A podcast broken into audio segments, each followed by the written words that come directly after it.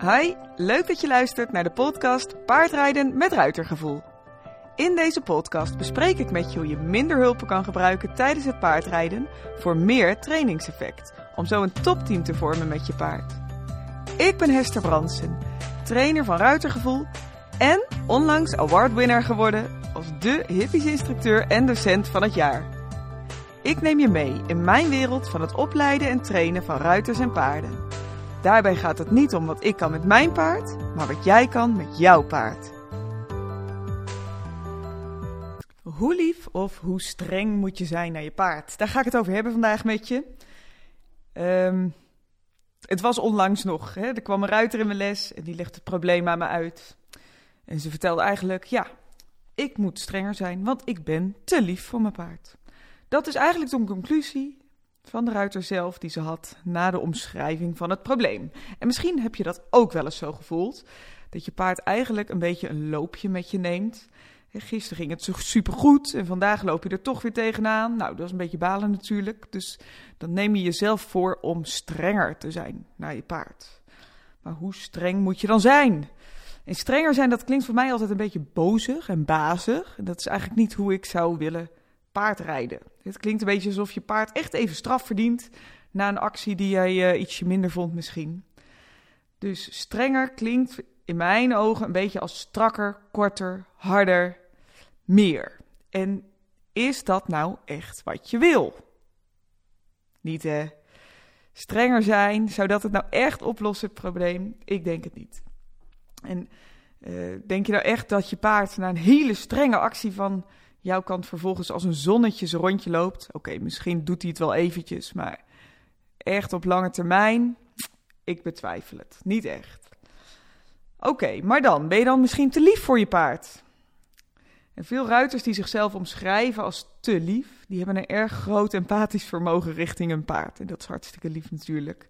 Paard doet erg zijn best en, die, en vaak vind je dan ook dat het dat hij het al zo goed doet en dat hij nog maar zo jong is en dat het ook nou ja, heel knap is wat hij allemaal al kan. En dan praat je het misschien een beetje goed. Hij kan er ook niks aan doen dat hij het nog niet helemaal snapt. Hij is nog jong of nog onervaren.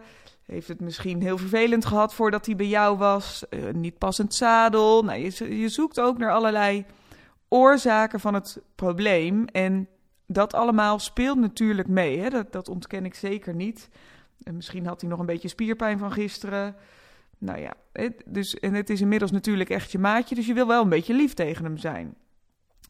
En lief zijn voor je paard voelt dan alsof je paard dat verdiend heeft. Dat er lief met hem wordt omgegaan. En daarom worden er misschien foutjes hem heel makkelijk vergeven. En dan krijgt het paard nog een paar kansen om het wel goed te doen. Nou, daar wil ik het je nog even met je over hebben. Uh, want mijn paarden krijgen ook heel veel kansen. Heel veel kansen, maar geen keuze. Het is geen multiple choice. ze krijgen de kans om het goed te doen, maar het is niet, nou ja, moet, je, moet, even voor je zien. Um, optie A, ik en dan ik als het paard. Ik reageer op de galophard, uh, galophulp door heel hard te gaan rennen. Optie B, ik reageer op de galophulp door te mopperen op het been. Of optie C, ik reageer op de galophulp door aan te springen in galop. A, B of C. Nou, grapje. maar het moet geen multiple choice zijn bij je paard. Hè? Hij moet ook wel weten wat er van hem verlangd wordt. Dus ik, ik, breng het natuurlijk een beetje grappig, maar er zit natuurlijk wel een kern van waarheid in. Van wanneer komt het punt dan dat je paard echt op een galophulp ook daadwerkelijk moet aangalopperen? Wanneer is je paard oud genoeg, ervaren genoeg, voldoende aan het nieuwe, welpassende zadel gewend? Uh, wanneer heeft hij echt geen spierpijn meer, zodat hij echt een goede reactie moet geven? je weet nooit precies wanneer dat punt is. En daarom komt het hier. We gaan niet streng zijn, we gaan niet lief zijn. Ja, we gaan heel lief zijn, maar we gaan vooral duidelijk zijn. De oplossing zit wat mij betreft in duidelijkheid. Ik maak dus geen verschil tussen streng of lief. Ik ben ook heel lief voor mijn paarden. Misschien wel veel liever dan iemand die zichzelf omschrijft als te lief. Duidelijk zijn naar je paard, dat is echt het allerliefst wat je kan doen.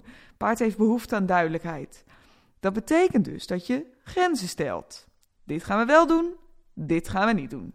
Dit is goed, dit is verkeerd. dus nee, je mag niet langs me heen lopen als we richting de wei gaan. dan moet hij even op je wachten en dan zet ik hem een pasje achteruit. Of ja, je moet een stapje omzetten als ik je poets uh, en naar de andere kant loop. Je wil dat je paard even een klein beetje respect ook voor jou toont op het moment dat je naar de andere kant loopt van je paard. Je hoeft niet alleen maar zelf degene te zijn die respect toont voor je paard. Je paard moet ook respect naar jou toe tonen.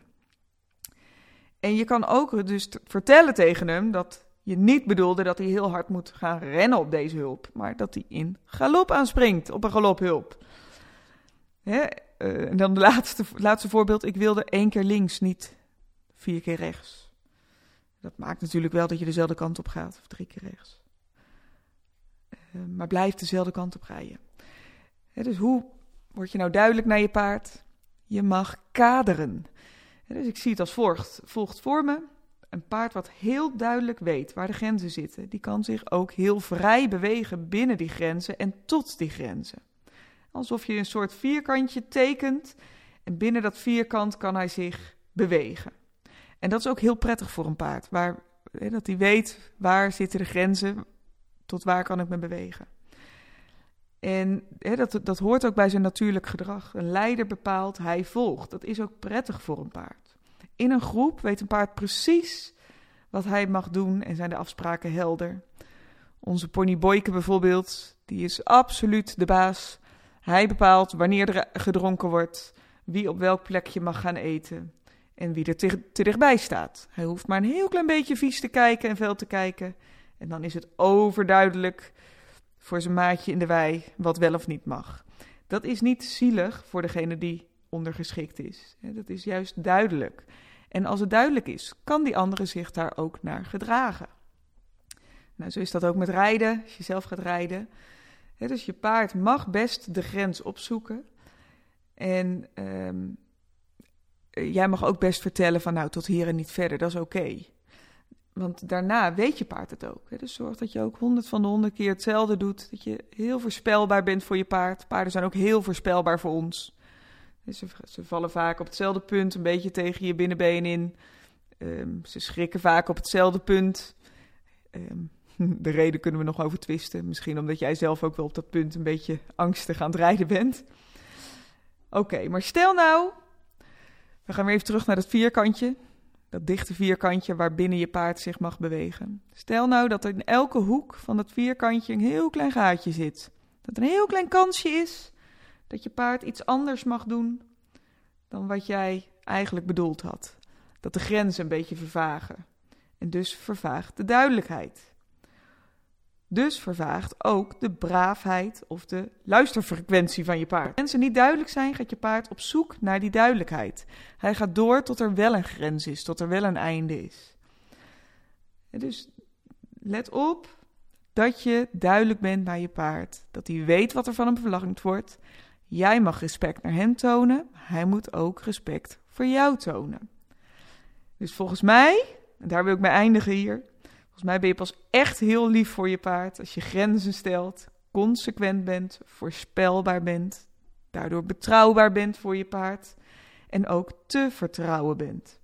En jij en je paard kunnen zo wederzijds respect tonen en vol vertrouwen met elkaar communiceren.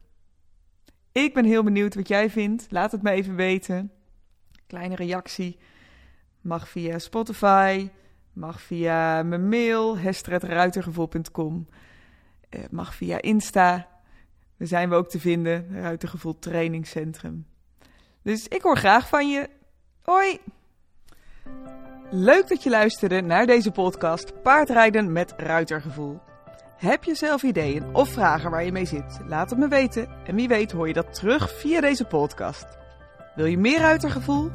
Download dan helemaal gratis mijn e-book De vier elementen van een correcte houding en zit. Ga naar www.ruitergevoel.com.